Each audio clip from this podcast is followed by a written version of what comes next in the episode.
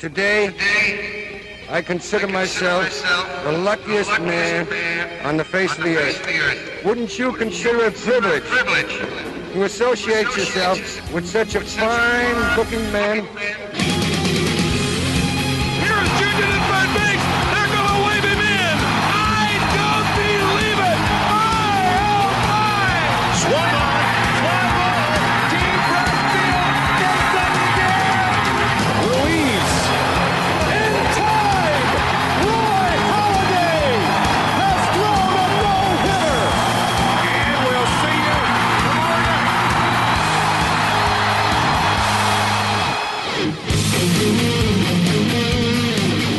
Soms duurt het even voordat je daadwerkelijk mensen samen kan krijgen om een uitzending op te nemen van een podcast. En dat is ons de afgelopen weken ook overkomen.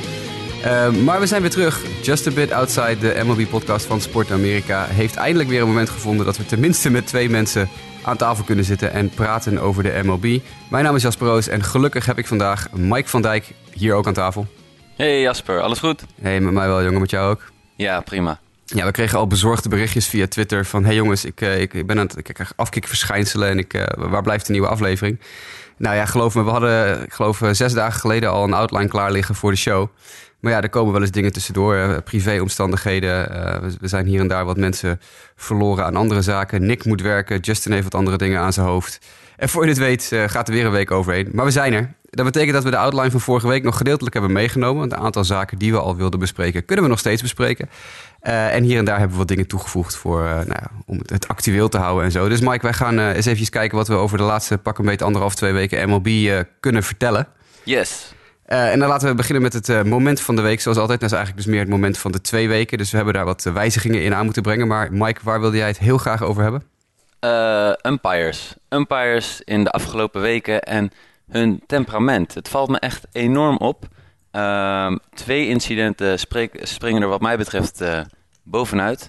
Laten we beginnen met Bryce Harper. Bryce Harper is afgelopen nacht, of nee, niet afgelopen nacht, maar deze week wel eh, tegen de Mets uit het veld gestuurd door umpire DJ Rayburn. Maar dat is niet het incident van Bryce Harper wat ik wil benoemen. Een week eerder, in een uitwedstrijd bij de Atlanta Braves, was Laz Diaz, wellicht bekend bij jullie allemaal, eh, de umpire. En Bryce Harper die had een call gekregen tijdens de wedstrijd waarvan hij dacht, dit is een wijd. Maar hij werd slag gegeven. Oké, Bryce, beetje gefrustreerd, loopt gewoon terug, gaat naar het veld, speelt verder eh, eh, in het outfield. En er wordt een vergelijkbare pitch bij de tegenstander ehm, dit keer wel wijd gegeven. Dus Bryce gooit in het outfield zijn handen omhoog en hij zegt, zegt iets van, come on man. De scheidsrechter ziet het, loopt vanuit de home plate umpire er al, eh, vanaf de home plate er al een beetje op af van, eh, wat zie ik nou in het rechtsveld? Doe even normaal. Maar wat gebeurt er vervolgens? Bryce Harper komt aan slag, ergens later in de wedstrijd. Ik denk dat het de zevende inning was ongeveer. En Bryce krijgt gewoon echt de meest dubieuze strike calls in één keer.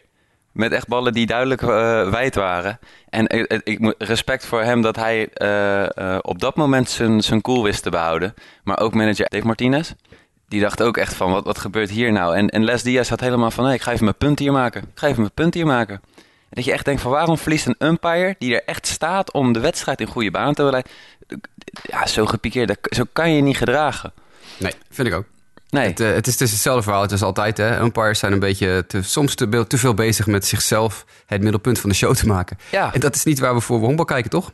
Nee, en dat was dit een voorbeeld van. En een andere, dat was ook eh, eh, in diezelfde week.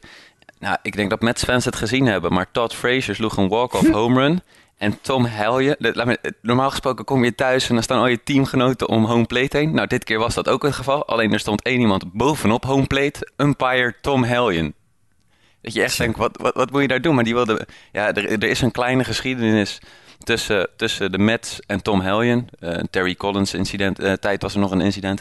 Maar Todd Frazier had eerder in de week, eh, tijdens een wedstrijd, kon hij net niet bij een bal. En toen zag hij een rubberen bal liggen ergens tussen het publiek. Dus toen had hij net gedaan, een geintje, ik heb hem gevangen. Nou, blijkbaar was dat genoeg reden voor de scheidsrechter om in de negende inning op een plaat te gaan staan van zo.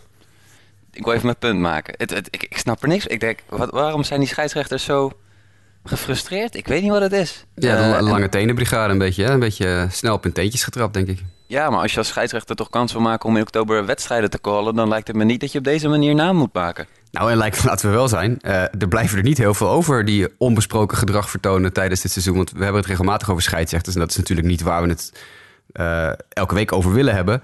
Maar er zijn voldoende scheidsrechters geweest dit jaar die inderdaad om verschillende redenen in het nieuws zijn gekomen. En niet altijd op even positieve manier. Dus ik vroeg me al af, ja, eh, misschien moeten we dat volgend jaar, volgende week even doen. Wat is, wat is, jouw, wat is jouw, jouw eigen ideale umpire crew? Wie zou jij op de beslissende wedstrijd in de World Series zetten? Want er blijven er niet heel veel over op deze manier die volledig van onbesproken gedrag zijn.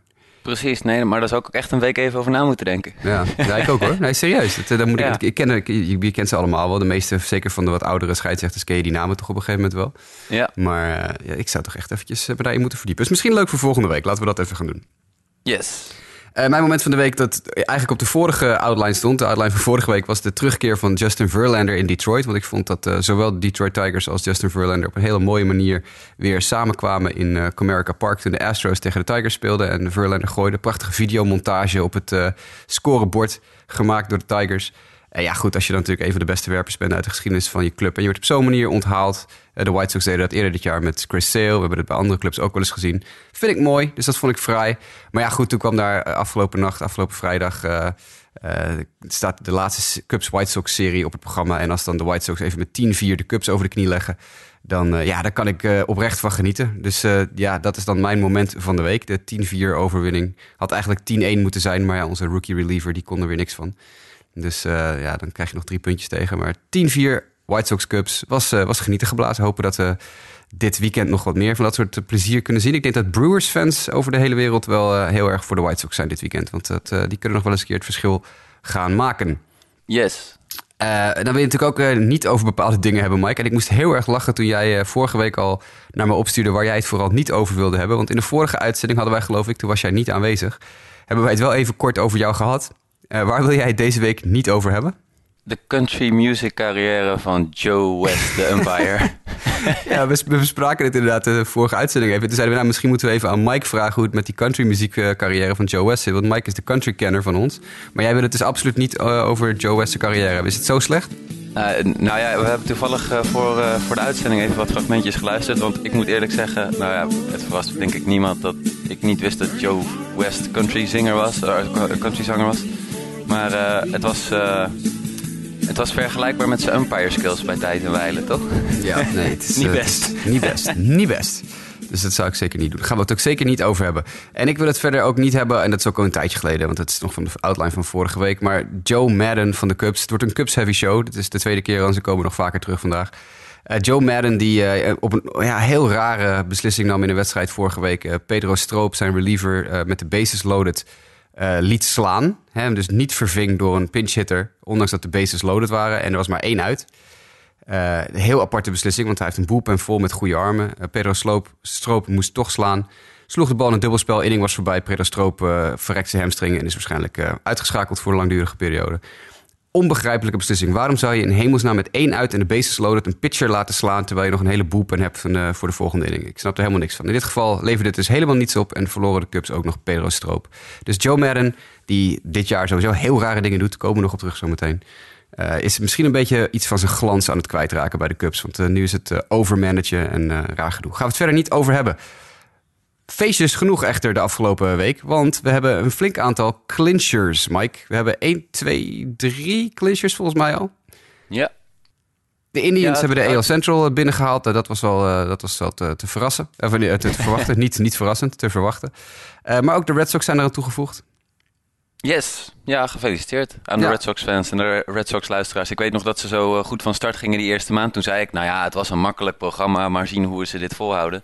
Maar ik moet zeggen, dit is, eh, dit is op dit moment in mijn ogen wel het beste team in de Major League. Het is, eh, ze hebben een heel goed seizoen gespeeld. Ja. Eh, en het wordt echt... ik, ik denk dat ze ver gaan komen. Dat gevoel heb ik. JD Martinez nog steeds in de run om de Triple Crown te winnen. Voor het eerst sinds Ja. Miguel Cabrera een paar jaar geleden. Gaat het hem lukken, denk je? Hij staat iets van drie of vier home runs achter Chris Davis, geloof ik. Ja, mm, even kijken snel dan wat de Red Sox aan schema hebben. Ja, ik mo- moet zeggen, de afgelopen week heb je dan ook, weet je, dan winnen ze en dan de volgende dag heb je een line-up die niet helemaal gevuld is en dergelijke. Dat speelt mee. Ah, hij moet naar de thuis tegen de Orioles en de Yankees heeft hij nog. Ja, hij staat vier home runs achter op Chris Davis op dit moment van Oakland.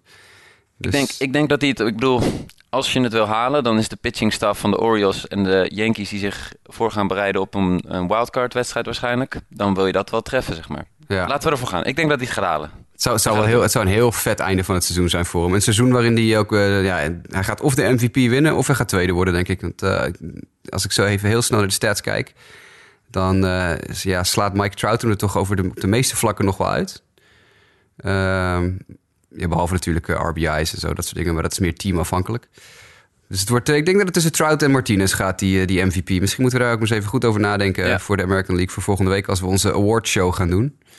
Want ja, fantastisch seizoen, hè, JD Martinez. Echt geweldig. Zeker. Man, man. Geldt eh, tot dit moment volledig waargemaakt. Absoluut. Investering. Absoluut. Dus nee, zeker. Ja, mooi. Ja, te verwachten. Boston was natuurlijk van tevoren al getipt als, als winnaar van de divisie. Ehm, maar dit is denk ik wel eh, ja, een, een statement. Een uitroepteken achter het seizoen van de Boston Red Sox. Die gaan denk ik vol vertrouwen over een week of zo de playoffs in. Zeker. Verder hadden we natuurlijk ook het eh clinchen van nou, ja, de Indians gaan we het niet over hebben. Want dat, was, eh, dat is de Ja, zwakste, ja. de zwakste divisie in baseball. Is er iets van de Indians wel- waar ja, jij over ja, ja, ja, ja. Eh, Trevor Bauer. Namelijk. Nou ja, hij is op de weg terug en hij heeft weer gegooid. Dus eh, eh, dat is wel voor, voor Indians fans denk ik een, hele, een, een heel goed signaal. Eh, want je kan eh, Trevor Bauer er beter maar bij hebben. Zeker aangezien hij de eerste helft van het seizoen gewoon heel goed eh, stond te gooien. Dus ik denk dat dit wel, dit, is, dit kan belangrijk zijn. Zeker als je kijkt hoe de Indians over de breedte hebben gespeeld dit seizoen. Dan kunnen ze denk ik alle beetjes wel gebruiken. en die gaan ze nodig hebben nog. Ik zag op Twitter het gerucht rondgaan dat, dat er gesproken wordt of Bauer misschien in de playoffs niet vanuit de bullpen moet komen. Zou jij dat doen? Ik vind dat wel eh, het, eh, het, ik, de vraag bij Trevor Bauer is niet zozeer moet je het doen, wil hij het doen? Ja, precies. Ja. Dat is eh, wel vaker een probleem geweest. Hij moet zich eh, voor openstaan, maar hij heeft duidelijk altijd eh, de wens over hoe hij dingen voor zich ziet en wil. En heel, vraag, heel korte vraag, want ik heb vorige week geluisterd, eh, of twee weken geleden geluisterd naar de episode en ik weet even niet, hebben we het gehad over Josh Donaldson? ja, wel even heel kort geloof ik. En, en, en laat maar zeggen, ja, wat voor gekkigheid dat natuurlijk was. Die wordt gewoon getrade als hij is fit en gaat daarna weer op Ja, de disabled list. Ja. Super vaag. Heel veel Heel teams vaag. waren daar ook eh, eh, best wel pissig over. Dus eh, nou, ook wel terecht, denk ik. Ik bedoel, Ja. het, is- het, is, het is eigenlijk een heel gekke situatie. Maar nee, ja, ach, daar leg ik dan weer niet zo wakker van. Dat is nou eenmaal, eh, dat is nou eenmaal gebeurd. Weet? Yes. Maar ja, Trevor Bauer is inderdaad wel een goede om eventjes iets, iets over te melden. Ehm, Stroos. De Astros, ja. Wat, Ja. wat kunnen we daarover zeggen? Is dat, dat was ook wat te verwachten, maar het is nog wel spannender geworden dan we hadden gedacht, toch? Ja, eh, theoretisch gezien eh, kunnen ze nog steeds eh, de wildcard winnen. Of in ieder geval, uh, kan Oakland ze nog steeds inhalen zodat zij slechts de wildcard game spelen. Ja. Ehm, dat is vooral ook te danken. En dan hou ik misschien dingen van de outline ietsje naar voren. Maar door een enorm sterk Oakland team waarbij ik van tevoren echt never nooit niet had gedacht dat die 93 wedstrijden op dit moment in het seizoen gewonnen zouden hebben. Nee. Nee, dat is inderdaad wel extreem, ja. Dat is... eh, hm. Tja, wat kan ik ervoor zeggen? Ik probeer de standings intussen tevoren te toveren... maar ik zie dat eh, MLB.com's eh, cookies-pagina echt weer te achterlijk verwoorden is. Dus ik kan die hele pagina niet openen vanwege al die achterlijke cookie-reglementen. er Dus zit eh, 3,5 wedstrijd tussen de Astros en de, de, de Athletics ja. op dit moment. ik, Ja. kan hem, ik kan hem sneaken nu, want het is... ja, dit is toch echt, jongens, figure out your shit, man. Echt, niet te geloven. Eh, Oké, ander verhaal. Eh, de Astros, ja. eh, we moeten het ook nog even over die divisie hebben laten. Want volgens mij hebben we nog een mailback-vraag gehad over de Oakland Athletics. Dus daar moeten we nog even op terugkomen straks. Yes. Maar ja, goed, Astros, een van mijn getipte World Series favorieten eind van de rit. Dus ik Ja, denk, ik ze, denk dat ze dat blijven nog steeds heel sterk en ik geef ze nog steeds een goede kans ook in, in, de, in de postseason. En ze zijn er eigenlijk niet zwakker op geworden. Ik bedoel, een team dat 96 wedstrijden wint, ja, dat is gewoon eh ijzersterk. En het, het, ja, dan blijf je het verschil houden tussen de American League en de National League. Hier is het eigenlijk allemaal beslist, terwijl aan de andere kant is nog van alles mogelijk. Ja, alleen de, alleen de, de East is, eh, begint een beetje een gat eh, zich af te, af, te, af te spelen. Alleen ja, het enige verschil is dat natuurlijk de Atlanta Braves die staan er bovenaan. De Philadelphia Phillies volgen op 7,5 wedstrijd. Die kunnen in theorie natuurlijk als Atlanta alles verliest en Philadelphia alles wint, kunnen ze nog inhalen. Dus officieel hebben de Braves niet geclinched. Maar onofficieel kunnen we zeggen dat de NL East naar Atlanta gaat, toch?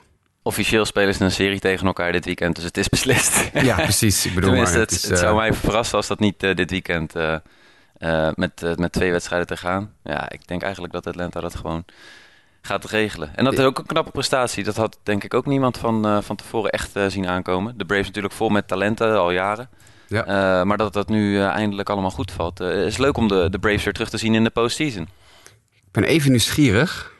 Ik ga even dat tevoorschijn toveren. We hebben, begin van het jaar hebben wij voorspellingen gedaan hè, met de hele Sport Amerika redactie. Mhm. Heeft iemand de Braves getipt als winnaar van de divisie? Weet je dat? Even kijken hoor, of ik dat tevoorschijn kan toveren hier. Ik denk misschien iemand een wildcard. Maar Even dat lijkt me eigenlijk al zien. stug. De Braves. Heeft iemand de Braves als eerste in de divisie? Even zien. Niemand heeft de Braves als eerste in de divisie. Er waren 1, 2, 3, 4 mensen die ze als tweede in de divisie gedaan hebben. Nico Roeks, eh, Tim Vergozen, eh, Hans Mulder, Braves fan Hans Mulder en ikzelf hadden ze als tweede. De rest had ze allemaal lager.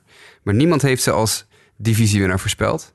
En ook niet in de wildcard, zie ik hier. Dus ja, die zijn wel een enorme verrassing, denk ik. Dat, dat, eh, ja, supergoed. Wat, wat mij nu opvalt, ik zit die stellings te kijken. Philadelphia dus tweede, 7,5 wedstrijd achter. Eh, en 6,5 in de wildcard, dus dat kunnen ze eigenlijk wel een beetje vergeten.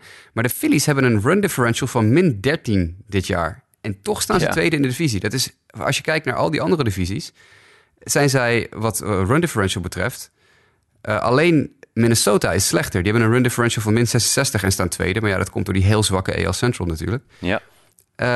En de Rockies, zie ik. Ja, de Rockies, ze zeiden, die hebben min 5. Dus de, de, de Phillies zijn in, eh, in theorie slechter dan de, eh, dan de Rockies. Want min 5 en min 13 is, eh, is een nadeel van de Phillies. Eh, ik vind het wel apart. Ja, zeker. Zeker. Des te knapper wat ze gepresteerd hebben Ja, zeker, in wins ja. losses, zeg Ja, maar. minder, minder runs gescoord dan dat ze tegen hebben gekregen dit jaar. En toch, eh, toch tweede in de divisie. Eh, nou ja, goed, de Nationals en de Mets en de, en de Marlins, daar hoeven we het niet over te hebben. De Marlins min 220 in het eh, run differential eh, department. Dat is alleen Baltimore is slechter. Dus dat is wel even een treurige, treurige zaak. Inmiddels, het heeft maar vijf minuten geduurd, zijn mijn cookie preferences geüpdate bij MLB.com. Dus kan ik weer normaal de standings zien. Dat is heel fijn.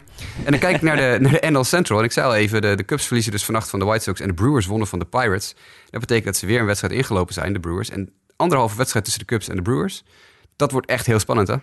Ja, ja zeker. Eh, ik moet zeggen, de Cardinals hebben in theorie ook nog een kansje. Ja, 4,5 Ja. wedstrijd achter de Cubs. En bovendien, ja, dat is natuurlijk ook wel zo. Deze twee teams, Milwaukee en St. Louis, hebben op dit moment allebei een bezit van een wildcard. Ja. Dus, ehm, ja, het, het liefst win je de divisie. Maar goed, eh, ehm, anders moet je in ieder geval nog een divisiegenoot treffen, waarschijnlijk in die wildcard.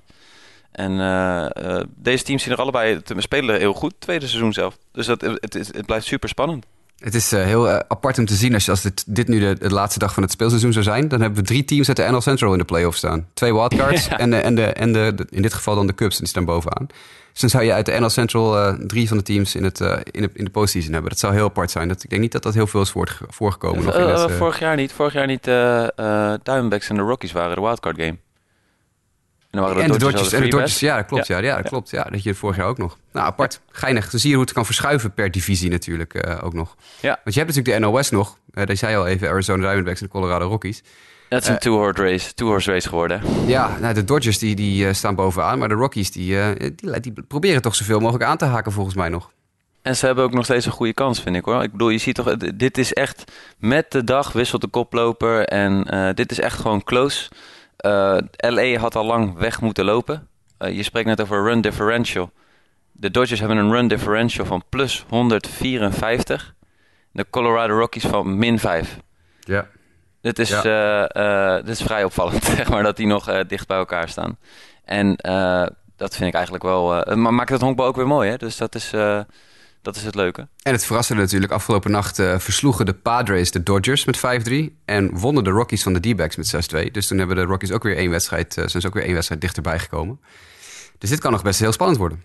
Zeker, zeker. Dus Leuk. is echt, eh, dit, deze twee divisies dit zijn eigenlijk... Want ik moet zeggen, het is eigenlijk opvallend dat eh, die American League zo geruisloos, dat clinchen en dergelijke... Ja, je- Ja, iedereen, iedereen zat, ziet zat er erop te wachten, ja. weet je wel. Dat, ja, dit, eh, dit is, de meeste, meeste mensen hebben de, de Red Sox, de Indians en de Astros voor het seizoen ook wel voorspeld, weet je wel. Daar is niks, Ja. eh, niks spannends aan.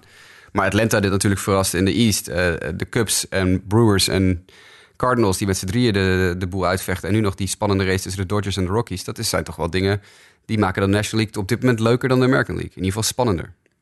ja. Nou, leuk. Gaan we in de gaten houden. Eh, dat was het clinchen. Nou, nu we het toch over de D-backs even hadden. Eh, dit was een stetje dat ik vorige week al gevonden had. Dus misschien is het ietsje veranderd, maar het zal nooit zo heel veel zijn. En daar moet ik het met jou over hebben, Mike. Want de, de grootste reden dat de D-backs weggezakt zijn... lijkt toch hun, hun boelpunt te zijn... waar ze toch wat mensen aan toegevoegd hebben. En sinds 1 augustus heeft de, de van de D-backs een ERA van 5,10. Dat is 28ste in de MLB van de 30 teams. Een whip van 1,55, ook 28ste. De zeven minste shutdowns, dat is ook een statistiek in de boelpen. En uh, 27 meltdowns, dat is de op twee na meeste. Wat is er aan de hand met de boelpen van de D-backs? Heel simpel, die is het compleet kwijt. Het is echt, uh, als je kijkt deze maand, ik geloof, uh, als je nog de laatste serie erbij pakt, een beetje van de vorige maand tegen de Dodgers. Sindsdien hebben de Diamondbacks geloof ik vijf wedstrijden gewonnen en 15 verloren. Echt op het moment van het seizoen waarin je dat echt totaal niet moet hebben. Collapste die bullpen volledig. Inderdaad, zoals je zegt, trades gemaakt juist om die bullpen te versterken. En er zijn echt meerdere wedstrijden geweest in die stretch waarbij ze gewoon voorstonden en het in de negende inning nog volledig weggaven. Of in de zesde inning. Maar Brad Boxberger, de closer, nou, die was het op een gegeven moment dag, uh, dag in dag uit was hij het volledig kwijt. Dus dat is op dit moment ook niet meer de closer. Nou, dan was kort daarna Hirano de closer, Yoshi. Mm -hmm. Zelfde probleem. Negende inning, druk erop, geeft het weg. Ja, het was gewoon, er was voor de Diamondbacks gewoon op dat moment, uh, dan is er geen stop. En uh, dan voel je het seizoen eigenlijk gewoon wegglijden. Uh, en nu is het eigenlijk nog zaak, uh, gaan ze wel of niet boven 500 eindigen. Maar deze franchise komt wel in een, in een lastig pakket die offseason. Want je hebt Paul Goldschmidt nog één jaar onder contract staan voor ongeveer 14,5 miljoen. Met een optie. Nou ja, ik denk, me, lijkt me logisch dat je die gaat lichten. Maar daarna uh, heb je waarschijnlijk niet de financiële middelen om hem voor een lange termijn te verlengen. Dan is hij 32. Maar doorgaans zie je dan toch dat ze gaan voor free agency. En de Diamondbacks zijn door het contract van Greinke niet kapitaalkrachtig genoeg eigenlijk om hem te verlengen. AJ Pollock gaat wegvallen. Ik, uh, ik ben benieuwd uh, of er een, uh, een, een, rebuild ingezet gaat worden. Of dat ze, want ze hebben nu eigenlijk steeds win-now trades gemaakt. Dat ze het nog een keer gaan proberen. Maar ik, ik, ik zie het team er niet heel veel beter op worden na dit seizoen. Nee, nou, dat, dat is nog een, een probleem. Dan mag Mike Hazen, de GM, mag aan de bak. Yes. Um, aantal pensioenen. Ja, dat is een hele rare stap om van de boelpen te gaan, een, een slechte boelpen in, in Arizona zeggen we gaan het over pensioen hebben. Maar toch een aantal grote namen dat de afgelopen anderhalf, twee weken heeft aangekondigd uh, ermee te stoppen. We beginnen met uh, David Wright. Ik moest heel erg om jou lachen, Mike. Dat uh, heb ik misschien niet hardop gezegd nog. Maar in de Slack stuurde ik een week of twee geleden van een berichtje van... hey jongens, we gaan het toch nog zien. David Wright komt terug op het veld. Nou, daar reageerde verder niemand op. Eerstvolgende reactie was van een paar dagen later, was van jou. Haha, David Wright leaves the field with an injury. Uh, dat heeft dus niet heel lang geduurd, die, die comeback van David Wright. Maar uh, die gaat er wel mee stoppen eind van dit seizoen. Ja, nee, dat is... Uh, dit is het beste. Het is echt... Het, ergens is het super, jam, super jammer. Want dit is echt zo'n getalenteerde speler in de tijd dat hij fit is geweest. Ja. Maar ik moet eerlijk bekennen... En we hebben het af en toe over David Wright gehad in deze podcast. omdat hij dan weer op rehab assignment ging.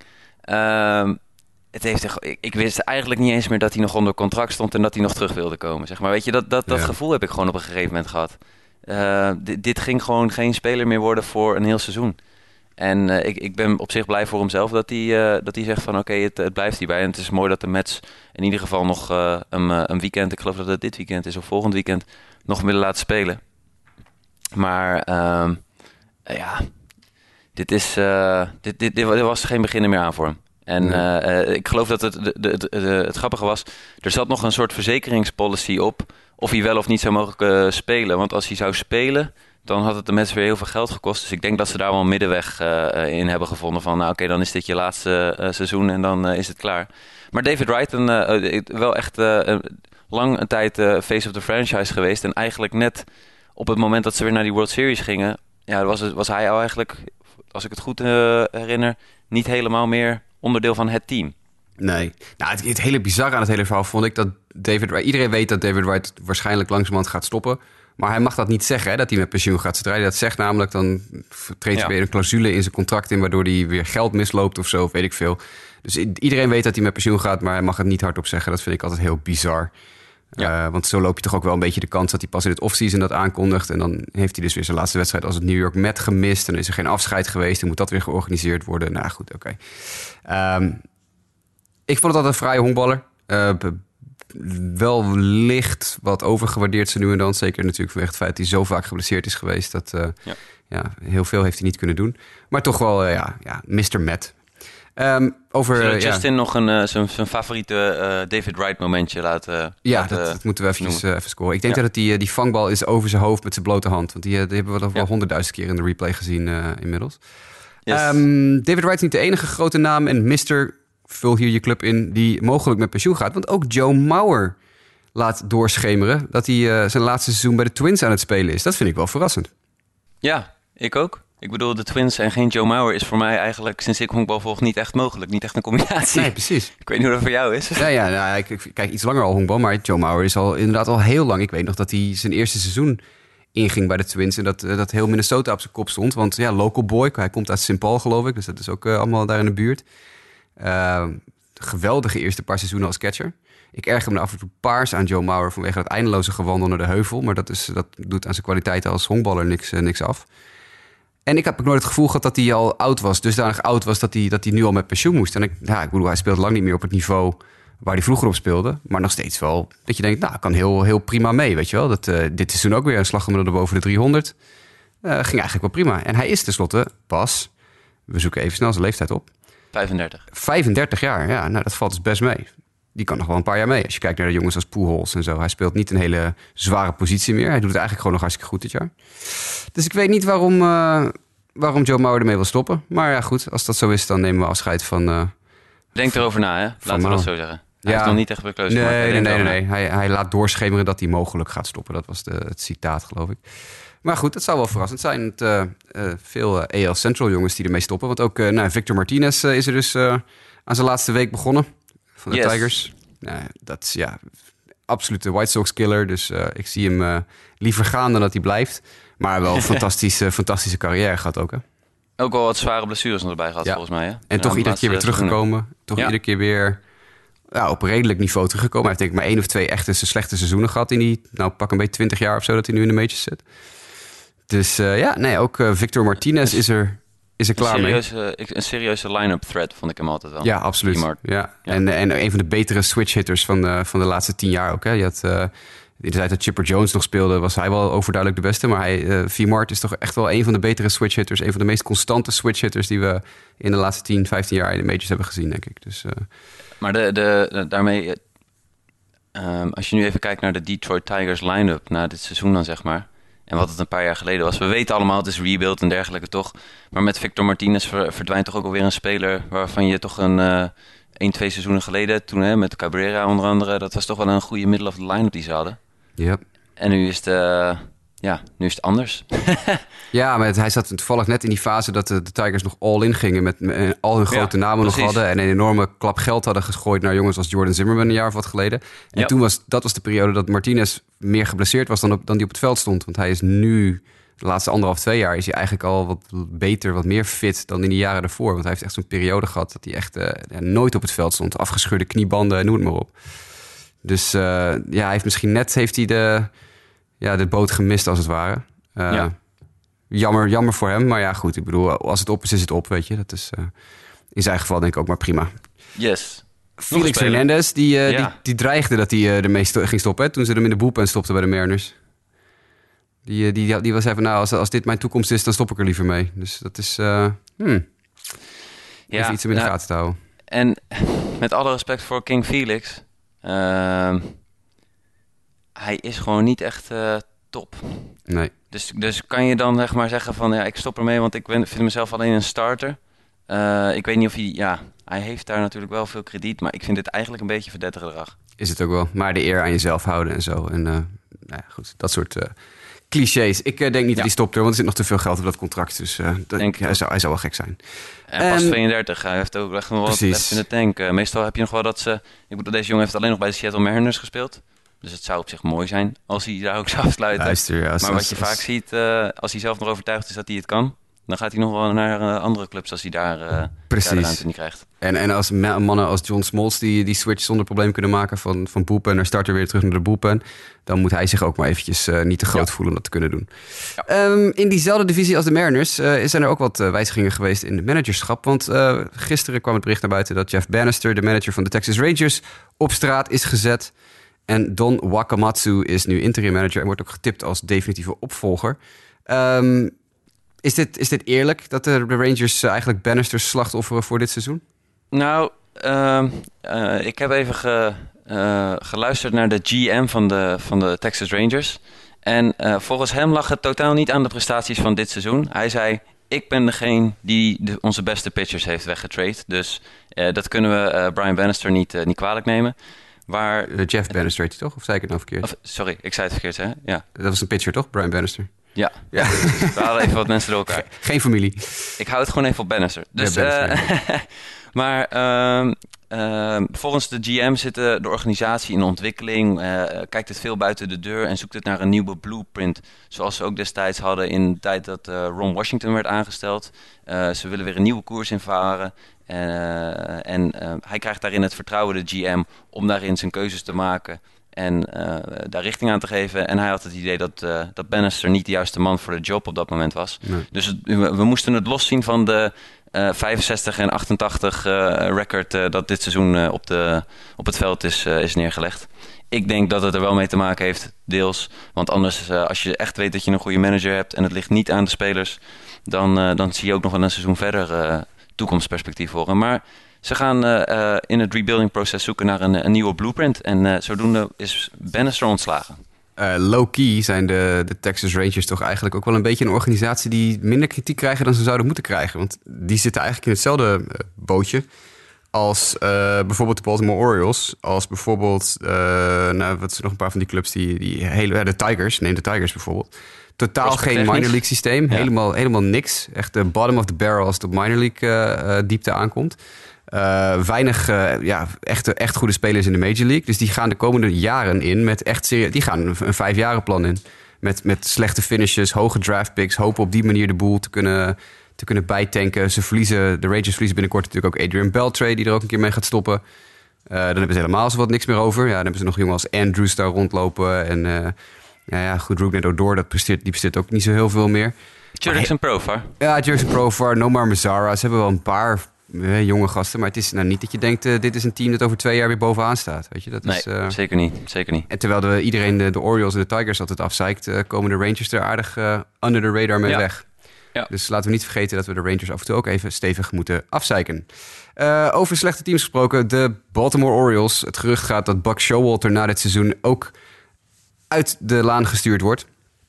Eh, en dat is wel opvallend, want jij zei dat ook eh, eh, eerder al. Dan Duquette, de GM van de Orioles, is wel verlengd. Maar Showalter Ja. is eruit geknikkerd. Ja, ja, Duquette heeft het allemaal zo goed gedaan. Ja, nee, want hij, Duquette die had allemaal goede trades gemaakt. Dus ownership had Duquette verlengd.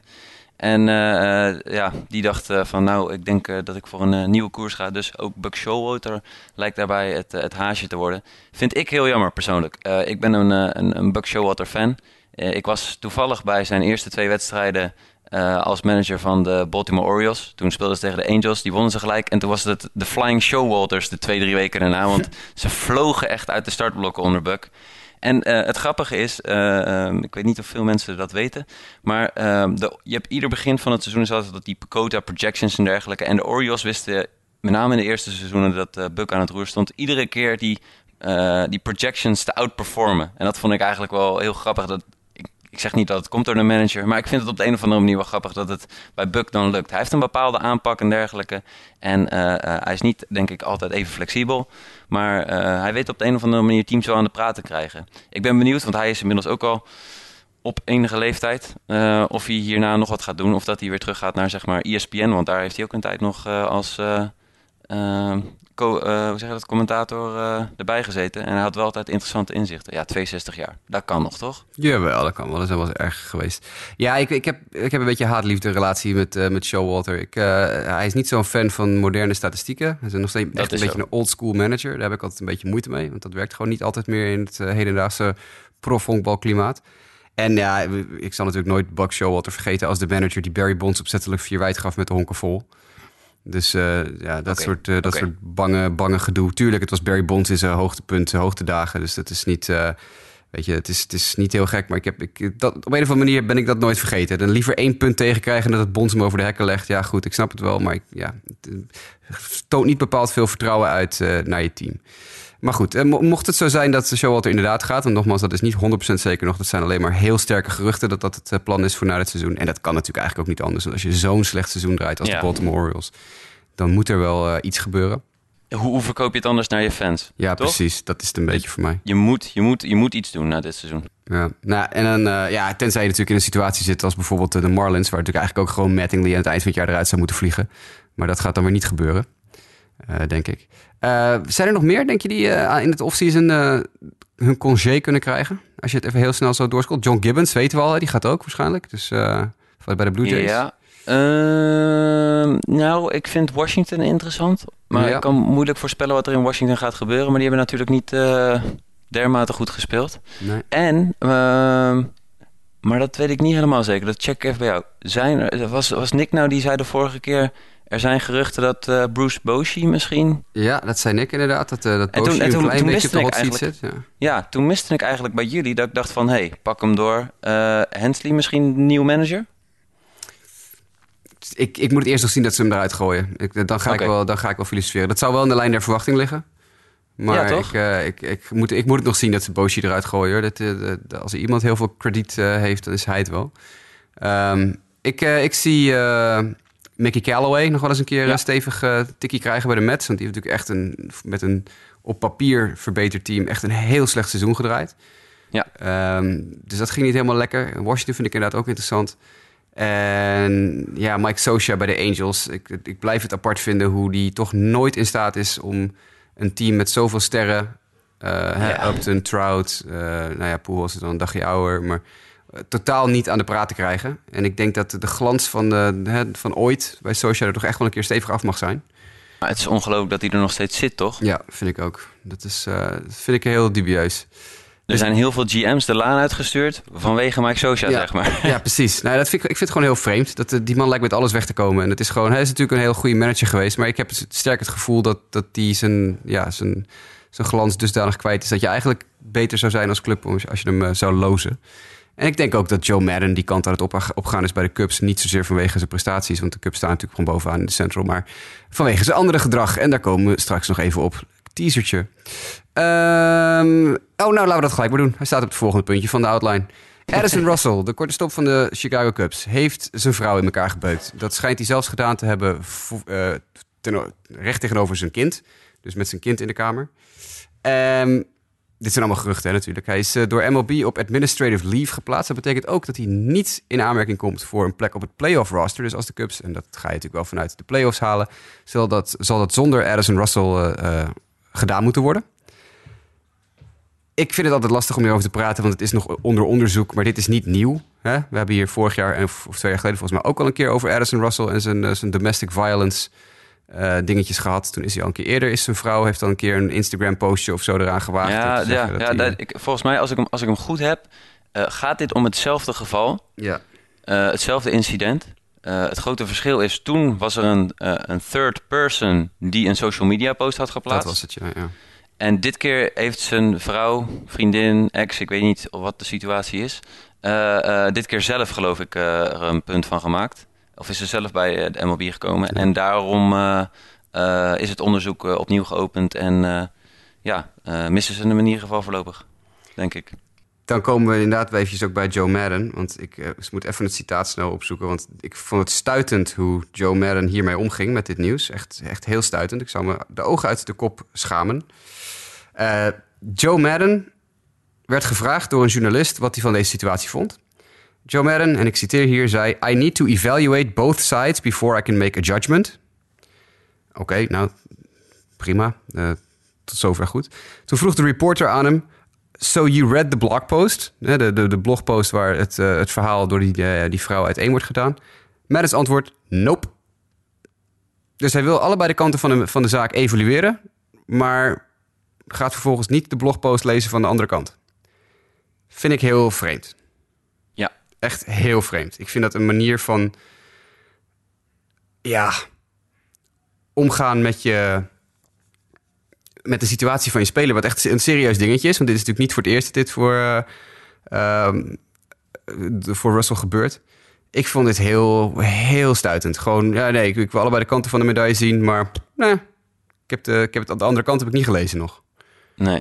Nou, dat En ik- laat ik zo zeggen, eh, eh, als je al iets hierover moet zeggen, dan zou je gewoon moeten zeggen: ik wacht rustig af waarmee de MLB komt. Toch? Ja, nee, dat, dat sowieso. Ik bedoel, die, hebben, die hebben een goede historie als, als het komt op, eh, op onderzoek, doen en eh, eh, eh, rechtvaardigheid. eh, ja, precies. Maar weet je, en dat, het punt is voor mij gewoon niet eens. Kijk, stel je voor, hij heeft, het- heeft het niet gedaan. Edson Russell, prima. Daarom zeg ik ook, ik veroordeel hem nu niet. Ik veroordeel hem pas als blijkt dat hij het inderdaad gedaan heeft. Ik vind het een kwalijke zaak dat het gerucht er überhaupt is. Maar ja, goed, ik wacht het onderzoek af. Maar ik vind, Eens. Ja. ik vind dat Joe Madden eh, hier op een heel onhandige manier mee omgaat. Echt heel onhandig. Dat, Ja. ja, ja nou, helaas. Eh, en daarbij, ik bedoel... heel goed managen doet hij de laatste tijd ook niet echt. Hè? Als je kijkt naar het gedoe rond Stroop, wat ik eerder al noemde. En nou ja, goed, als je 10-4 van de White Sox op je broek krijgt... dan is er ook ergens iets niet helemaal goed gegaan. Maar dat is een ander verhaal. Addison Russell dus sowieso niet in de playoffs. Dat is denk ik het belangrijkste. De, de Cubs hebben natuurlijk eh absolute diepte om dat op te vangen. Dat is geen enkel probleem. Ze hebben Daniel Murphy natuurlijk gehaald... eh, waarmee ze nog flink kunnen schuiven. Dus Javi Baez kan eventueel naar kort. dat soort zaken. Dus er is meer dan genoeg talent bij de Cubs... om het verlies van Russell op te vangen. Maar ik denk dat het wel weer een, eh, een nadelig streepje voor, voor de korte stop is. eh, in zijn Cubs carrière, die toch al niet heel erg Ja. vlekkeloos verloopt, als ik heel eerlijk ben. Dan hebben we een paar blessures. Twee grotere namen die ik even wilde noemen kort. Gregory Polanco, uit tot, er ligt eruit tot juni 2019 met, ik geloof, een schouderoperatie. En Sean Manaya, hetzelfde verhaal. Die, is, die zijn we kwijt voor heel 2019. Dat vind ik wel echt een aderlating hoor, voor de, voor de MLB. Yes, maar dan, daar gaan we het zo denk ik even over hebben als we de, de mailback-vraag ja, hebben. Ja, dat, want we hebben een mailbackvraag over de Aces. Die plakken we even aan Sean Manaya. Gregory Polanco. Ja, is niet de eerste zware blessure van hem. Die heeft al vaker last van pijntjes en dingetjes. Dus eh, ik denk dat we langzamerhand toch het, eh, het stickertje injury prone op eh, meneer Polanco moeten gaan plakken. En dat is, ja, is jammer. Leuke speler. Interessant nieuwtje bij de Angels vandaan. Er schijnt namelijk het gerucht te gaan dat de Angels Mike Trout een lifetime contract willen aanbieden. Nou, dat is wel chill voor, Ja. voor Mike Trout. Maar wat, Ik- wat, wat, wat, wat, wat moet ik me hierbij voorstellen, Mike? Wat, eh, een lifetime contract? Eh, nou, dat het heel lang is en dat er heel veel miljoenen dollars zullen gaan. Ja, nee, precies. Maar ik bedoel, het, eh, ga je daar dan een clausule in bouwen van... oké, je moet wel tenminste altijd boven de 230 slaan of zo... want we kunnen het contract ontbinden. Anders kom je natuurlijk in een situatie als met, met Pujols... die op zijn 40ste nog steeds miljoenen binnenharkt... maar intussen eh, geen deuk in een pakje boter slaat. Van Ja. spreken. Want ik vind lifetime contracten, dat is toch wel heel... Dat is, nou ja, dat zien we niet veel. Hoe trade je die? Dat is ook wel Ja, ook dat nog zoiets. Ja, ja, die, die... Nou, ja, dat is, ja, dat is nog een, een, ja, een, hadden we een mailback-vraag over. Kunnen we even op, op doorgaan zo meteen. Maar zou jij, als je de Angels was, Trout een lifetime contract aanbieden? Nee. Zou jij, als je Eh, Trout was, dat eventueel tekenen? Ja, ik denk niet dat hij veel te verliezen heeft. Kijk, nou, De vraag is, wat wil je? Ik bedoel, ik moet zeggen, de, de Angels, zoals het dit seizoen dan gaat... en natuurlijk, eh eh, Rome was een beeldende day in het championship team ook niet... Ehm, maar ik heb nog steeds niet echt de indruk dat zij in de tijd dat Mike Trout al onder eh, contract staat... en we hebben hier vaker vragen ook over gehad via de mailback... dat zij echt serieuze ehm, kansen hebben gehad om die World Series te winnen. Dus als Ja. op een gegeven moment de World Series wil winnen... dan denk ik eigenlijk dat je nou zou, naar een andere franchise zou moeten. Maar Mike Trout heeft meermaals aangegeven dat hij het ontzettend naar zijn zin heeft in, eh, in, in Los Angeles. Eh, hij prima geniet daar van de aandacht en dergelijke. En niet specifiek de, de Boston en, eh, en New York aandacht zo nodig hoeft op te zoeken. Ehm, dus als hij content daar is, ja, waarom niet? Ja. Nou, ik zou het als ik de Angels was echt niet doen. Het, eh, voor je het weet zit je eraan vast voor de rest van je leven. ja, En, eh, precies. Dus krijg je zoveel zo'n- risico. Zo'n Bobby Bonilla deal krijg je dan. Maar eh, een interessanter punt is natuurlijk, en dat krijg je bij een mailback-vraag eh, van Sander Grasman. Die zegt: Stel, Trout tekent niet bij de Angels, omdat hij het, niet omdat hij het zat is dat hij de playoffs nooit haalt. Moeten de Angels hem dan verkopen, bijvoorbeeld deze winter of deze zomer? En zo ja, wie kan dat dan betalen? Want Trout gaat natuurlijk een kapitaal kosten. Nou, laten we bij de eerste vraag beginnen. Moet LA Trout verkopen als hij niet bijtekent? Ehm, wat mij betreft wel als je geen serieuze kans maakt om iets te winnen. Ja, ik denk het ook. Ik, eh, maar eh, ja, eh, hm. Ik wil het liever niet. Als fan, als fan van honkbal en dergelijke, zie ik het liefst spelers gewoon een contract uitdienen. En Ja. dat ze dan op een gegeven moment denken van oké, en nu kies ik voor een andere toekomst. Maar zoals de business gerund wordt, als je geen kans hebt om iets meer te winnen dit seizoen, dan ga je ervoor dat je zoveel mogelijk prospects terug kan krijgen. Dat is nou eenmaal hoe het gaat. Eh, eh, dat is ook waarom ik denk dat Paul Goldschmidt waarschijnlijk gaat vertrekken. Maar goed, dat, eh, Mike Trout is wat dat betreft denk ik hetzelfde. Wat denk jij? Ik vind, ik vind het zo moeilijk, joh. Echt. Ik heb het natuurlijk van dichtbij meegemaakt. Wat doe je als je je absolute superster, beste speler uit de geschiedenis van je organisatie ooit zo'n beetje verkoopt? Hè? Ik heb het gezien met Chris Sale. Die natuurlijk de, misschien wel de beste pitcher uit de geschiedenis van, die, van, van de club is. Ja. Het risico voor de club is gigantisch. Want ja, stel je voor, je krijgt er een bak prospects voor terug en geen van allen doen ze iets. Kijk, dat, Ja. eh, je moet het altijd natuurlijk even afwachten. En er kan altijd nog een, een leuke doorbraak eh, kan er onverwacht bij zitten. Maar Mike Trout is natuurlijk nog van een heel andere orde dan Chris Sale. Mike Trout is misschien wel de beste honkballer aller tijden. Yes. En, en als je die dan. wil- Wil jij voor de rest van je leven als GM of als front office medewerker de geschiedenis ingaan als de man die de beste speler aller tijden verkocht heeft? Dat is. Ja. Oef, man. Ik, eh, Oké, zo kan je hem framen tegelijkertijd. Je bent een GM om de beste be- beslissingen te maken in the interest of the organization to win championships. ja, maar stel je voor je verkoopt hem en je wint vervolgens nog nooit een kampioenschap. Nee, dat is zo. Dat of je wint zo. het pas na 20 jaar. Of je, je wint het met spelers die niet in die trade overgekomen zijn. Ja. Dat, dat, oh man, het is zo'n risico. Ik zou dat als GM, ik zou er helemaal, eh, echt helemaal, helemaal panisch van worden. Ik, zou, ik, zou, Ja. ik weet niet of ik het zou durven hoor. Ik weet niet of ik de bal heb om dat te doen als ik, eh, als ik de GM van de Angels ben. Het, eh, tuurlijk, Als precies je- wat je je- zegt als is je- waar. Je moet het doen vanuit een, een standpunt van de club. Je moet inderdaad het, dat soort dingen kunnen doen. Maar in het geval van Trout zou ik er heel nerveus van zijn. Ja, ja, ja. Nee, maar kijk, eh, eh, zijn de Angels een beter team als Mike Trout er speelt? Ja, ongetwijfeld welk team niet, zeg maar. Eh, dus wat dat betreft valt het ook te rechtvaardig om in ieder geval hem aan zijn contract te houden.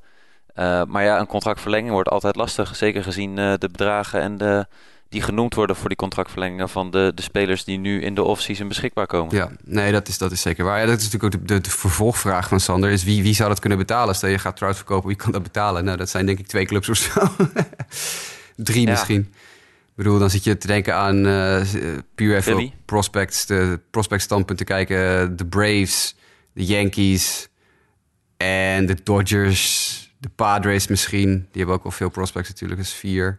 Ja, als je prospect technisch kijkt. Ja, ja, puur prospect. Ja, Ja, kijk, qua kapitaal, dat, dat, er is altijd wel... Kijk, op dit moment zijn er heel veel clubs die het zouden kunnen betalen. Want er zijn heel veel clubs die op zoek zijn naar die payroll onder de 100 miljoen... of ruimschoots onder de 100 miljoen. Er zijn geloof ik drie of vier clubs die een payroll onder de 30 miljoen hebben. Dus, dus financieel gezien is het wel te doen. Maar je moet vooral kijken naar de, de prospect en, en, en hoe ze in de, in, het, eh, in, in de toekomst... hoe die in de toekomst past natuurlijk bij die club. Dus dan ga je gewoon kijken naar de top 5 van prospect teams met, met de meeste prospects. Dat, dat zijn de Braves, de Dodgers, de Padres, de White Sox en de Yankees, denk ik. Nou ja, die zouden een prospect technisch gezien kunnen betalen. En denk ik ook allemaal wel financieel. Hoewel de Padres misschien wat moeilijker, eh, wat moeilijker ligt. Je, zei, je zei de White Sox, hè? Ja. Ah, Zou jij op het moment dat hij zou Nee. komen, eh, koop je dan gelijk een shirtje? Oh, jawel, als hij zou komen wel, maar hij komt niet. Dat, dat, dat, zie ik gewoon niet gebeuren. Dat, eh, want dan ben je aan het bouwen geweest eh, aan het, de, de, een club die jarenlang eh, ge- eh, gestruggeld heeft met het, met het vinden van een, een minor league organisatie die eventueel klappen op kan vangen. En als je dan natuurlijk je hele minor league organisatie eh, leeg verkoopt voor één speler, waar je dus meteen dus het risico loopt dat je nooit meer de klappen op zou vangen. Dat is, dat is tegen de filosofie van de club in. Datzelfde geldt een beetje, denk ik, voor. ehm, wie zei ik net? Even kijken. Nou, de Braves. Een heel klein beetje. Kijk, de Dodgers en de Yankees en zo, die hebben daar, die hebben daar lak aan. Want die, als die een gat hebben, kopen ze wel weer kopen ze iets om, om, om het gat te vullen, weet je wel. Dus dat is, dat is niet zo'n probleem. Eh Padres is wel een groter probleem ook. Want die, als die op het moment dat die hun hele minor league leeg verkopen, hebben ze ook niks meer. Dan hebben ze de beste speler in baseball, maar verder ook niks. Klinkt wel als een Padres move. Ja, wel hè. Ja, met, eerst met Hosmer en je hebt, je hebt eh, Matt Kemp gehad een paar jaar geleden die ze binnenhaalden voor weet ik wat. Dat is allemaal nooit gelukt. Het klinkt inderdaad wel een beetje als een Padres move. Maar nee, ik, eh, ik weet het niet. Ik, eh, kijk, voor iedere keer als een superster natuurlijk op de markt zou zijn, dan moet je de Yankees daar, daarbij scharen. Yes. Dat is, ja, de, Ja. de Red Sox niet, want de Red Sox hebben daar gewoon simpelweg de minor leaguers niet voor. Want het hele minor league systeem is leeg verkocht door Dave Dombrowski. Dus die hebben gewoon niet het kapitaal op het gebied van spelers om dat te kunnen doen. Maar eh, ja, goed. Eh, leuk om over te dromen of over na te denken. Wat zou er gebeuren als, enzovoort, enzovoort. Eh, als we toch over grote namen hebben die mogelijk van club veranderen. En dromen. En, en dromen, inderdaad. Ja. Nu, nu gaan een paar Phillies-fans, luisteraars van ons, gaan, gaan enorm dromen. Want er stond van de week een gerucht op Twitter. Een van de journalisten die heel erg ingevoerd is bij de Philadelphia Phillies. Die zei, op dit moment is er bij de Philadelphia Phillies serieuze, zijn er serieuze gesprekken over het halen van zowel Harper als Machado. Vanwege het weinige payroll. Nou ja, er zijn natuurlijk meer teams, eh, dat, we kunnen er zo nog een stuk of vier, vijf noemen, die eh één van de twee zouden kunnen halen vanwege het feit dat ze hele lage payroll hebben. Maar de Phillies zijn dus de eerste club waarvan dat echt in de media komt. Dat er blijkbaar, hè, dit zijn geruchten, in de front office serieus gesproken wordt over het halen van zowel Harper als Machado, Machado dit offseason. Oeh, dat zou wat zijn. Dat zou zeker wat zijn. Man. Ze hebben, het- is natuurlijk ook wel het deel in mijn ogen wat, laat maar zeggen, nog wel versterkt kan worden, die line-up. Eh, maar er zit ook veel talent. Maar goed, als je daar in één keer en Machado en Harper erbij zet. Wauw. Ja, dat zou echt. eh, Dan, dan, dan ben je eh, meteen in één klap voor de komende vijf team. jaar favoriet om de World Series te Ja. winnen, denk ik. Ja, dat denk ik ook. Ah, Zeker als je ziet die basis die natuurlijk de Phillies op dit moment al hebben. Talentvolle jonge basis. Ja. De als je, vraag is alleen wel, wel ehm, hoe lang? Ja, nou, ja, dat is- Hoe lang kan je, eh, hoe lang, wel, ik bedoel, je moet twee contracten uitdenken. Die dus eigenlijk financieel gezien, eh, die je samen kunt dragen Ja. voor een langere periode. Ja. En doorgaans eindigt het dan zo, hè, met hoe de markt is, dat de spelers goed betaald willen worden, ook in de jaren dat ze uiteindelijk wat minder gaan presteren. Ja. Ja, poeh, man. Ik zit eventjes in de tussentijd eh, de, de, de payrolls voor volgend jaar. Dus de, spe- de, de, de- oh man. De, de- wat de clubs voor volgend jaar op de, op de payroll hebben staan. Eh, dan zijn er denk ik even zien. 1, 2, 3, 4, 5. Ik denk vijf teams die zonder problemen die twee spelers zouden kunnen toevoegen. Weet je, wat- dat weet je, weet je wat de payroll van de Tampa Bay Rays volgend jaar is? Hoe- Voor hoeveel, geld, voor hoeveel geld zij spelers op de rol hebben staan voor volgend seizoen? Die ze dus verplicht moeten betalen? Oké, oké, komt-ie. wat is het minimum salaris ook weer iets van 3 ton, hè? 4, 4,5, 5 geloof ik. Precies, Ja. nou doe dat keer 25 of keer 40. Nou, daar zit je wel een beetje aan hoor. De payroll Ja, van de? Tampa Bay Rays voor volgend jaar is 8 miljoen. Ja. 8 miljoen dollar! Wow. Eh, voor de Cubs volgend jaar is die 180 miljoen. Die staan bovenaan. Eh, eh, maar even, ook als je kijkt wat, wat, wat- hoe Tampa presteert. 8 miljoen. Volgend jaar hebben die een payroll van 8 miljoen dollar aan het begin van het seizoen. Als alle andere contracten die aflopen en zo er vanaf zijn gehaald aan het eind van dit seizoen. 8 miljoen dollar. Maar, maar zou dat, zou, zou dat, zou, zouden zij dan al ingaan misschien ook deze winter? Ja, dat weet ik niet. Hebben ze al definitief dat eh, goedkeuring voor het stadion? Want dan zou ik het nog een keer kunnen zien. Ik denk dat ze daarmee wachten tot dat stadion er staat. Dat ze dan in één keer dat stadion lekker een seizoen lang eh, helemaal vol kunnen pompen. 8 Maar- miljoen. 8 Wauw. miljoen. Dat is toch ongelooflijk? Ja, En de Cubs staan er tegenover. Die staan, vanaf, die staan na dit offseason staan ze bovenaan met 179, bijna 180 miljoen.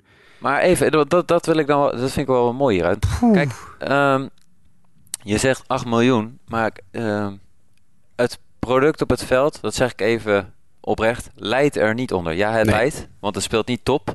Maar ehm, voor 8 miljoen spelen zij wel gewoon, eh, wat is het, eh, 500 baseball? Ja.